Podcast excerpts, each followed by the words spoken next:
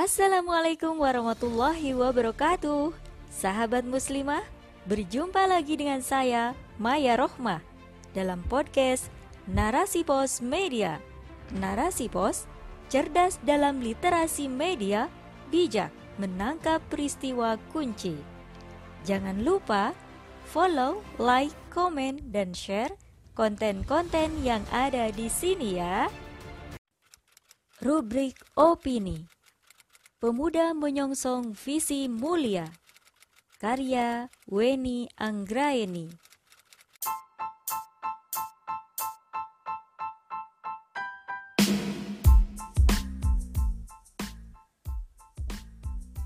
Negeri ini masih diwarnai dengan serba-serbi pandemi. Dari awal kemunculannya, pandemi telah menjamah semua lini. Tak ketinggalan, para pemuda-pemudi juga terdampak, baik fisik maupun emosi. Emosi pemuda hari ini begitu mudah tersulut. Hanya karena adu mulut, bisa berakhir dengan baku hantam dengan sesama pemuda lainnya. Selama pandemi, kita tentu mendengar berita tentang ulah para pemuda. Saat pandemi pun dijumpai terjadinya tawuran dan diklaim bahwa pandemi membuka peluang meningkatnya kenakalan kaula muda. Jika kita telisik lebih dalam, kenakalan yang dilakukan oleh kaula muda adalah akibat dari kekosongan dan kekeliruan visi dan misi hidup para pemuda. Kekosongan dan kekeliruan visi dan misi hidup mengakibatkan seseorang mudah rapuh, mengalami kebingungan, galau, dan sering kehilangan semangat karena tidak memahami untuk apa hidupnya. Kondisi seperti ini harus segera diatasi. Jika dibiarkan, maka segenap potensi yang ada pada pemuda hanya digunakan dalam aktivitas-aktivitas yang nirmanfaat, bahkan bisa terjerumus pada hal-hal kerusakan. Bukankah kita melihat banyaknya pemuda hari ini lebih tertarik dengan joget TikTok ngeprank, nonton film hingga belasan episode daripada menambah literasi atau diskusi. Sungguh ironis. Padahal menurut pandangan Islam, di pundak pemudalah masa depan agama dan peradaban manusia digantungkan. Keberhasilan membangun visi kehidupan kepada pemuda akan menjadi titik awal menyelamatkan dunia dan peradabannya. Sebaliknya, Kehancuran dunia berawal dari kegagalan generasi terdahulu menanamkan visi kehidupan kepada generasi muda hari ini. Visi dapat dikatakan sebagai impian, cita-cita, tujuan yang hendak dicapai. Sebagai seorang Muslim, visi ditentukan bukan berdasarkan keinginan pribadi, instansi, ataupun korporasi tetapi visi ini sesuai dengan perintah Allah Subhanahu wa Ta'ala sebagai Rob semesta alam ini. Maka, apa pun yang akan kita lakukan harus merujuk pada petunjuk hidup yang telah Allah berikan, yakni Al-Quran dan As-Sunnah. Dalam Al-Quran Surah Ar-Zariyat ayat 56, disampaikan bahwa tujuan penciptaan jin dan manusia tidak lain hanyalah untuk beribadah kepada Allah Subhanahu wa taala. Inilah visi besar seorang muslim. Adapun dalam surah Al-Imran ayat 110 secara jelas Allah Subhanahu wa taala menggariskan visi hidup kaum muslimin dengan predikatnya sebagai khair ummah atau umat terbaik, yakni melakukan amar ma'ruf nahi mungkar dan memegang teguh keimanan kepada Robnya. Dengan demikian, visi hidup seorang muslim adalah beribadah kepada Allah dan berusaha mendapatkan ridhonya.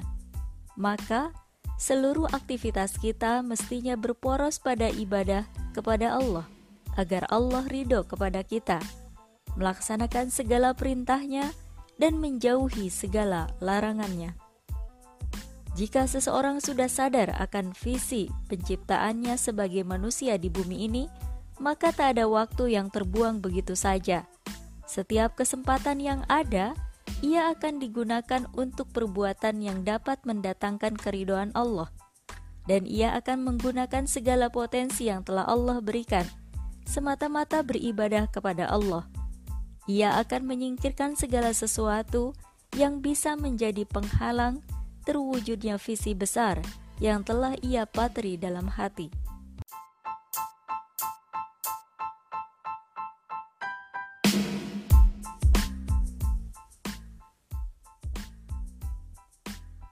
Kita bisa belajar dari sosok pemuda asal Quraisy yang bernama Mus'ab bin Umair radhiyallahu an. Ia merupakan pemuda tampan, kaya raya, cerdas, penuh semangat, dan selalu dimanjakan dengan kenikmatan yang menyilaukan mata. Tetapi, sesaat semua itu sirna. Ia rela melepaskan segala macam kenikmatan tersebut demi visi mulia yang sudah ia pegang teguh.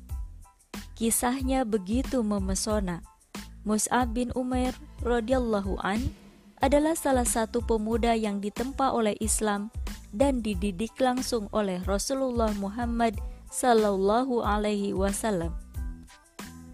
Suatu hari, Mus'ab bin Umair radhiyallahu an dipilih oleh Rasulullah sallallahu alaihi wasallam untuk menjadi duta pertama Islam di Madinah ia diberikan tugas yang agung dan juga berat.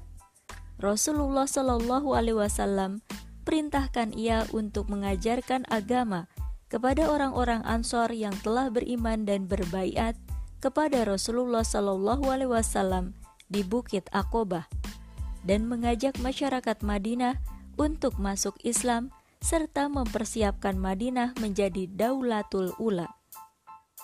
Mus'ab bin Umair radhiyallahu an Pemuda cerdas itu menyadari visi agung yang ia emban tidaklah mudah.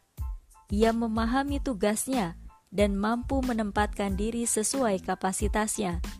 Ia sadar tugasnya hanya menyampaikan, menyeru kepada Allah, menyadarkan manusia yang masih terkungkung kegelapan menuju cahaya Islam. Dengan kemuliaan akhlak dan kecerdasan berpikir yang dikaruniakan Allah kepadanya, Akhirnya ia berhasil membuat penduduk Madinah berbondong-bondong masuk Islam. Mus'ab bin Umair radhiyallahu an telah berhasil menyongsong visi mulia itu hingga tiba waktunya Rasulullah dan para sahabat hijrah ke Madinah. Keberhasilan Mus'ab bin Umair radhiyallahu an dalam mengemban visinya patut kita teladani. Ia berhasil menjadi pionir tersebarnya Islam di Madinah dan mengubah pola pikir penduduk Madinah dengan Islam, hingga terbentuklah masyarakat Islam pertama di sana. Hari ini, Muslimin terpuruk dan terjajah dalam atmosfer kapitalisme. Begitupun pemudanya, mereka disibukkan dengan kesibukan yang melenakan hingga lupa akan visi mulia yang mereka pikul. Wahai pemuda Islam! Jadilah Mus'ab bin Umair radhiyallahu an berikutnya yang senantiasa menyongsong visi mulia demi tegaknya Islam dan kemuliaan kaum muslimin. Wallahu a'lam.